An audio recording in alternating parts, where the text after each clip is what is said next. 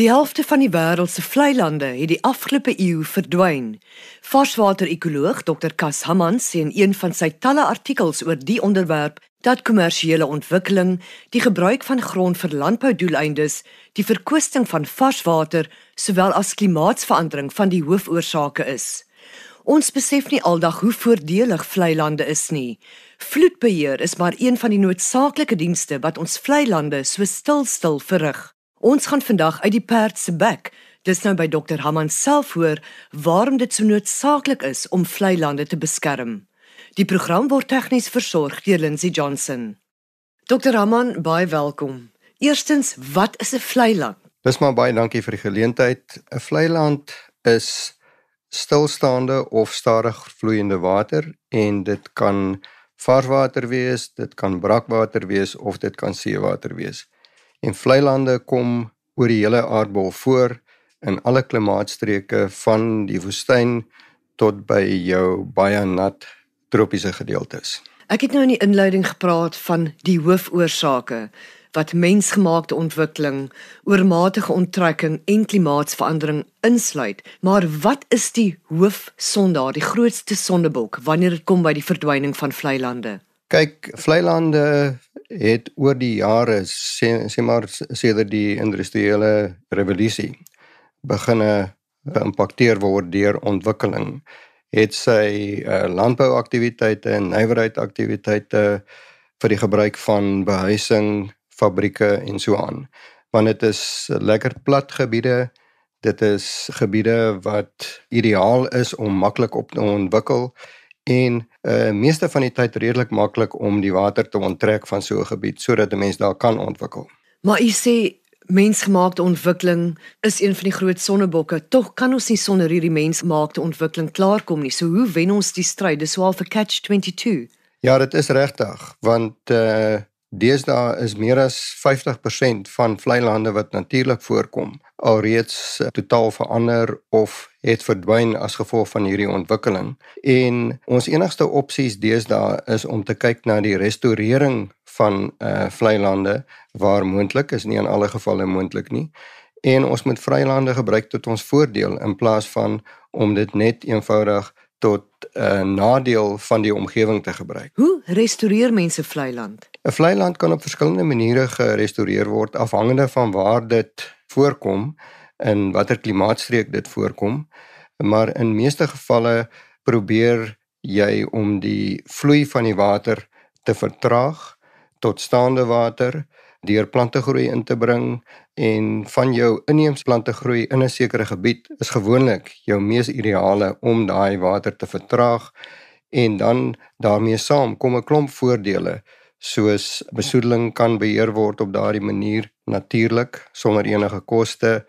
Die wateraanvulling van grondwater is geweldig belangrik want as water net vloei deur 'n gebied dan is jou grondwateronttrekking uh, word dan nie gekompenseer deur die aanvulling van grondwater nie. So op baie verskillende maniere kan 'n mens uh, vlei lande tot jou voordeel gebruik. Dr. Raman, hoekom is vlei lande so waardevol? Vlei lande bied habitat vir tot 40% van plant en dierspesies wat reg oor die wêreld voorkom. So is 'n geweldige habitat, 'n belangrike habitat vir voëls, verskeidenheid van diersoorte, natuurlik plante en ook baie van jou eenvoudige diere, uh eensellige diere en so aan alge en hulle vorm alles deel van 'n baie belangrike ekostelsel wat dan effektief kan funksioneer tot voordeel van die omgewing, maar ook uiteindelik tot voordeel van die mens. Watse impak het klimaatsverandering spesifiek op die voortbestaan van ons vlei lande? Klimaatsverandering kan variasie van impakte hê soos in jou droë dele byvoorbeeld gaan uh vlei lande neig om uit te droog as gevolg van uh droogtes wat meer hoër frekwensie voorkoms daar gaan wees. En in jou laagliggende gebiede veral in die kusgebiede gaan jy vind dat as gevolg van die stygings van die seevlak gaan baie van hierdie vlei lande gaan dan uh oorvloei word en dan kan hulle nie meer die buffer effek teen vloede wat van die see se kant af kom, siklone en daai tipe van uh, ding kan hulle dan nie meer uitvoer nie. Wat is die stand van sake met betrekking tot Suid-Afrika se vlei lande? Suid-Afrika se vlei lande, maar soos die res van die wêreld is eintlik uh, baie ernstig geïmpakteer veral in sekere dele, veral jou droë dele. Maar daar is 'n uh, belangrike werk wat gedoen word op die oomblik deur 'n werk vir vlei lande, byvoorbeeld waar hulle restaurasiewerk doen. Hulle verwyder aktief indringer plante groei wat een van jou grootste bedreigings van vlei lande is. En op daardie manier kan hulle dan tot voordeel van die mens en van die veral jou boerderygemeenskappe aangewend word. U sê in een van die artikels dis noodsaaklik dat mense die ekologiese en ekonomiese waarde van vlei lande begin besef. Is hierdie projek deel van die bewusmaking?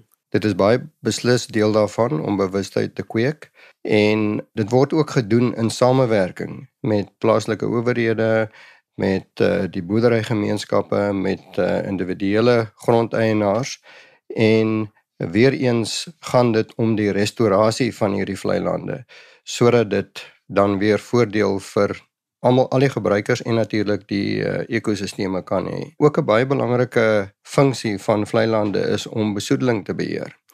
En wat die boerderygemeenskap in ag kan neem is om die bemesting wat gebruik word baie meer kundig en spesifiek te gebruik want dit is groot bron van uh besoedeling veral vir jou vlei lande en jou rivierstelsels en dan natuurlik ook die aanvulling van die grondwater. Dr. Raman laaste vraag, wat kan ons, elkeen van ons as die publiek doen om ons vlei lande te bewaar en te beskerm?